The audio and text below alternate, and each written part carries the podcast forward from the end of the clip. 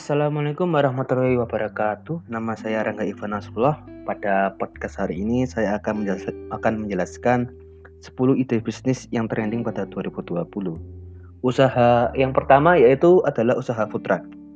Tipe bisnis ini reguler atau rumahan, jenis bisnis offline atau online, modal modal bisnis tersebut kecil atau menengah.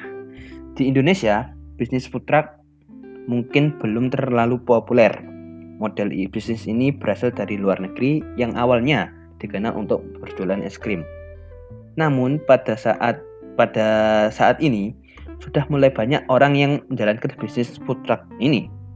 Jenis usahanya belumlah beragam, masih seputar makanan dan minuman cepat saji. Mulai dari sosis bakar, takoyaki hingga aneka jus. Jadi Anda masih menemukan peluang usaha yang lain. Alih-alih menggunakan modal Anda menyewa ruko, Anda bisa memanfaatkannya untuk merombak kendaraan Anda menjadi sebuah food truck. Kemudian Anda bisa memulai menjalankan bisnis dengan menggunakan promosi yang kencar melalui model sosial atau website pribadi.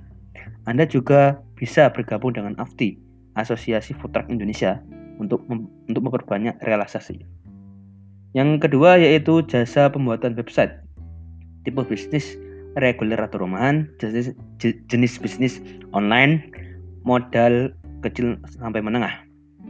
Salah satu bisnis bisnis ini menyajikan bisa dijalankan dari rumah adalah pembuatan website. Jika Anda seorang web developer, tidak ada salahnya menekuni bisnis ini.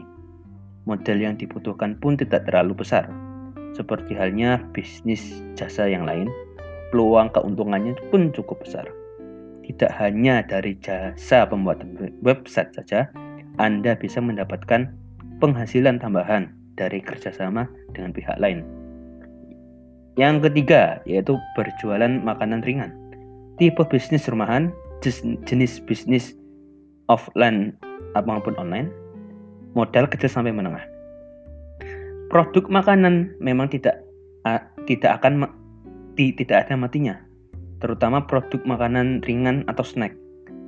Meskipun banyak produk baru dikelola masyarakat mencoba, untuk mencoba meraup untung yang besar, potensi bisnis ini masih cukup besar. Jika Anda ingin menjalankan bisnis makanan ringan ini, kuncinya adalah kualitas dan keunikan produk. Lalu, untuk lebih meningkatkan penjualan, Anda bisa memasarkannya secara online. Memulai bisnis ini tidak harus dengan modal besar, bahkan Anda bisa menjalankan seperti bisnis rumahan. Contoh sukses, sukses bisnis ini adalah Lidi Geli, berawal dari keinginan memperkenalkan makanan tradisional.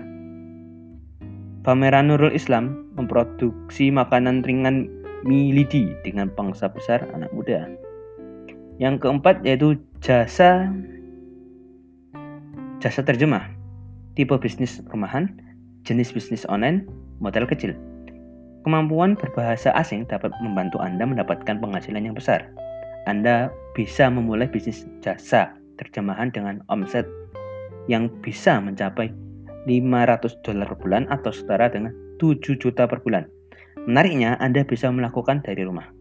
Yaitu contoh jasa terjemah yaitu adalah Reni Heriani yang terjun ke dunia terjemah online, ia adalah seorang freelancer yang sering mendapatkan pekerjaan paruh waktu dari beberapa platform freelancer. Anda yang bagi Anda yang ingin menjalankan bisnis ini secara penuh atau full time, tentu hasilnya yang dicapai lebih besar. Yang selanjutnya yaitu berjualan tema blog. Tipe bisnis rumahan, jenis bisnis online, modal kecil sampai menengah. Banyak pemilik blog yang sering mengganti, mengganti tema agar blognya lebih menarik. Namun perlu diperhatikan faktor fungsi dan bahkan optimasi. Jika Anda jago pada tema blog seperti seperti Mas Sugeng, berjualan tema blog masih memberikan peluang usaha yang menjanjikan. Tentu Anda harus memahami kriteria tema blog yang baik seperti mobile friendly, SEO, optimize loading cepat dan desain yang menarik. Tidak terbatas pada tema blogger saja, Anda juga bisa membuat berbagai tema blog untuk WordPress. Karena penggunaan platform ini sangat sangat banyak. Anda bisa melihat contoh yang dilakukan oleh ID ID Tem yang situs yaitu situs luar negeri seperti Tem Forest.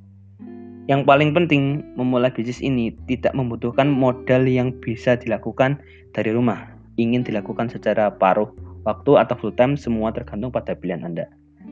Yang selanjutnya yaitu jual beli barang antik. Tipe bisnis reguler atau rumahan, offline atau menengah. Masih banyak orang yang antusias untuk membeli barang antik. Jenis barang yang dijual pun sangat beragam. Menariknya, Sebagian besar bisnis barang antik ini berawal dari hobi. Jadi apabila Anda memiliki keragaman yang sama, peluang usaha ini sangatlah layak untuk dicoba. Contoh penggelut bisnis ini yaitu Sinti Dewi Nugraha. Nugra, Nugrahini asal Bawean, Jawa Tengah. Mengaku mendapatkan 400 juta per bulan dari penjualan berbagai barang antik. Kebetulan kebutuhan modal untuk bisnis ini tidaklah tidak harus besar. Anda bisa memulai dengan barang yang nilainya tidak terlalu tinggi dulu. Selama barang antik tersebut diinginkan oleh konsumen, bisnis ini akan terus berjalan. Maka usaha promosi yang baik menjadi prioritas. Anda bisa mem mem memanfaatkan media sosial dan website resmi untuk menampilkan semua koleksi barang antik yang Anda yang akan Anda jual. Yang selanjutnya yaitu menjadi penulis online. Tipe bisnis rumahan, jenis bisnis online, modal kecil. Kegemaran Anda menulis bisa jadi peluang usaha yang men yang menjanjikan. Anda bisa menjadi seorang penulis online. Bisnis ini bisa dijalankan dari rumah dan bahkan tanpa modal sekalipun. Anda bisa memilih menjadi penulis online secara paruh waktu ataupun full time. Beberapa platform yang bisa membantu Anda mendapatkan project adalah Seribu Lancer dan Amprok. Namun Anda juga bisa menjadi menjalankan bisnis ini melalui Wattpad jika Anda mahir menulis cerita fiksi. Itulah langkah yang diambil e Eriska Febriana ketika menulis novel berjudul Dear Nathan.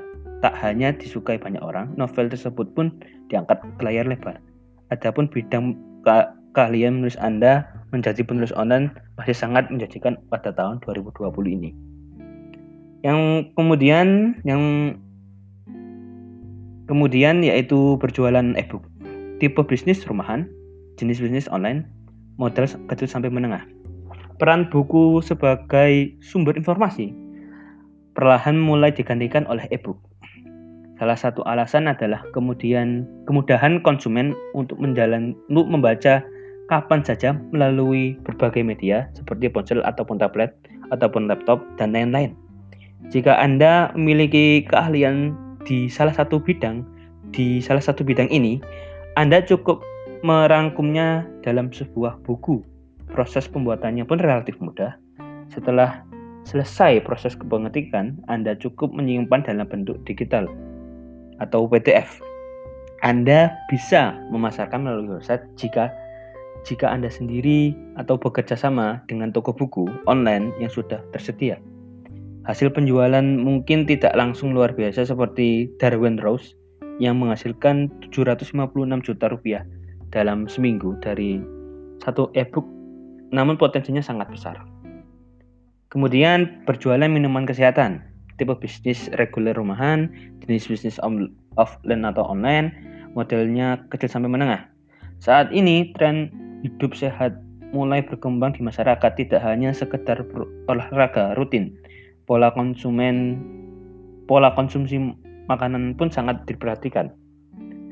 Peluang usaha inilah yang ditangkap oleh Nova Budi Setia Budi ketika mendirikan bisnis minuman kesehatan melalui website Sui Ora Jamu. Ia terus mengedukasi masyarakat tentang pentingnya minum jamu yang ber, yang berbahan natural.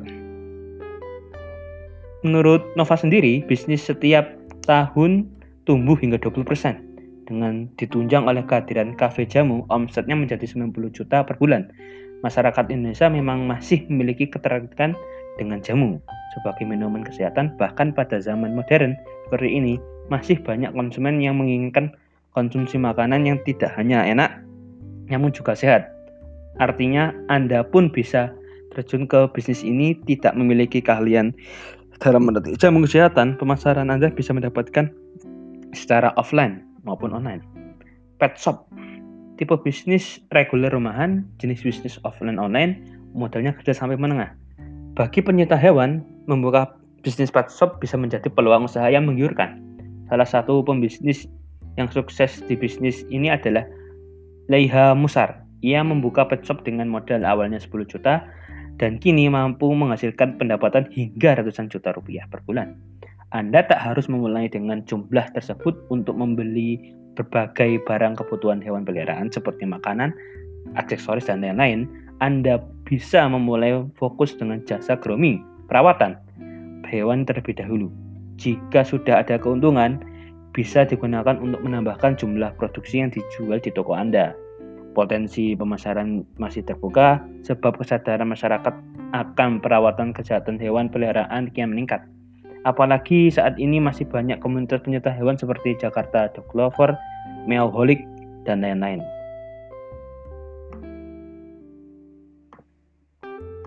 Untuk bisnis yang saya analisis yaitu adalah usaha food truck. Menurut saya usaha food truck ini belum banyak digandrungi di Indonesia.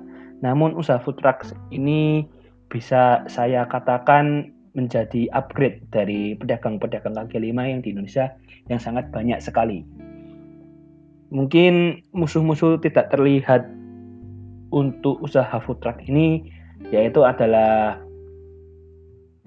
ojek online atau makanan-makanan online yang cepat saji yang sangat cepat sekali di dan digandrungi oleh anak-anak muda pada saat ini.